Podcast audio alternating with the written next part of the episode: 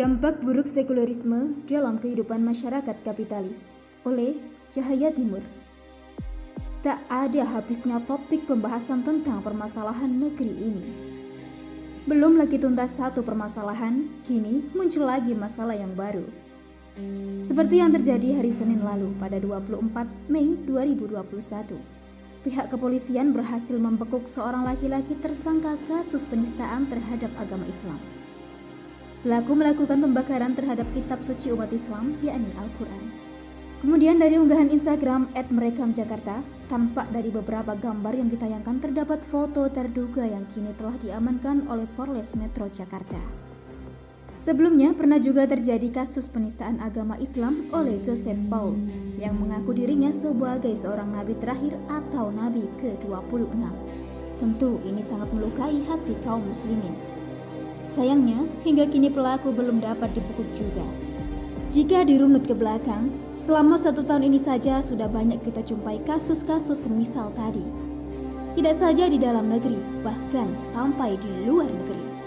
Manusia-manusia rendahan dengan mulut-mulut kotor, juga tangan-tangan durjana mereka telah begitu mudah menghina kitab suci, petunjuk hidup seluruh umat manusia, serta kekasih Allah Subhanahu wa Ta'ala.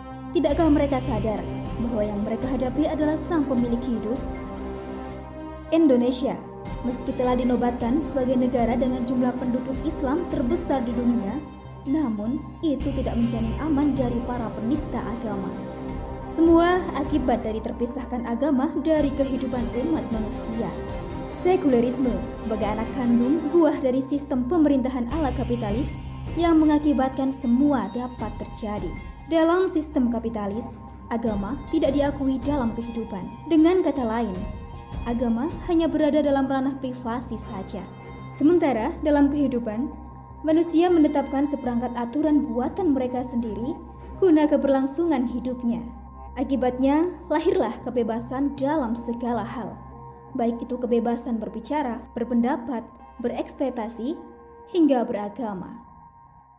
Semua orang berhak melakukan semua itu selama tidak mengganggu ketertiban umum. Sayangnya, sebaik apa pun aturan yang telah ditetapkan oleh manusia, tetap saja memiliki celah yang dapat dimanipulasi. Dalam pandangan sekulerisme, semua adalah sama saja. Yang membedakan hanyalah cara beribadah.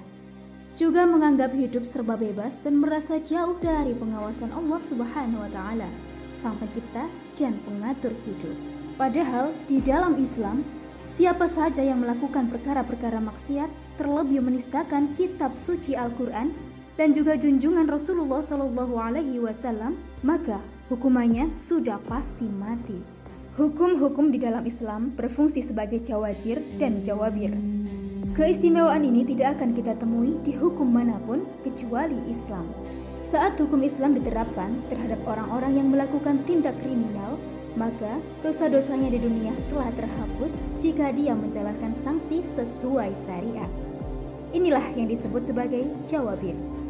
Di samping itu, dengan diperlakukannya syariah Islam dalam seluruh aspek kehidupan, akan menjadi sarana pencegah terjadinya perbuatan tindak kriminal yang baru. Dan inilah yang disebut sebagai jawazir. Sedangkan hukum-hukum syariat tidak dapat diterapkan kecuali dengan adanya sebuah institusi resmi yang mewadahi semuanya, yaitu Khilafah Islamiyah. Khilafah adalah bentuk negara yang hukum-hukum Allah Subhanahu wa taala dapat diterapkan secara resmi oleh seorang khalifah dan tentu akan dapat menghindarkan dari segala bentuk persoalan seperti halnya penistaan agama. Untuk itu, tiada cara lain selain dengan menetapkan Islam kembali ke dalam kehidupan umat melalui negara khilafah Islamiyah. Dan hal tersebut harus diwujudkan dengan segera.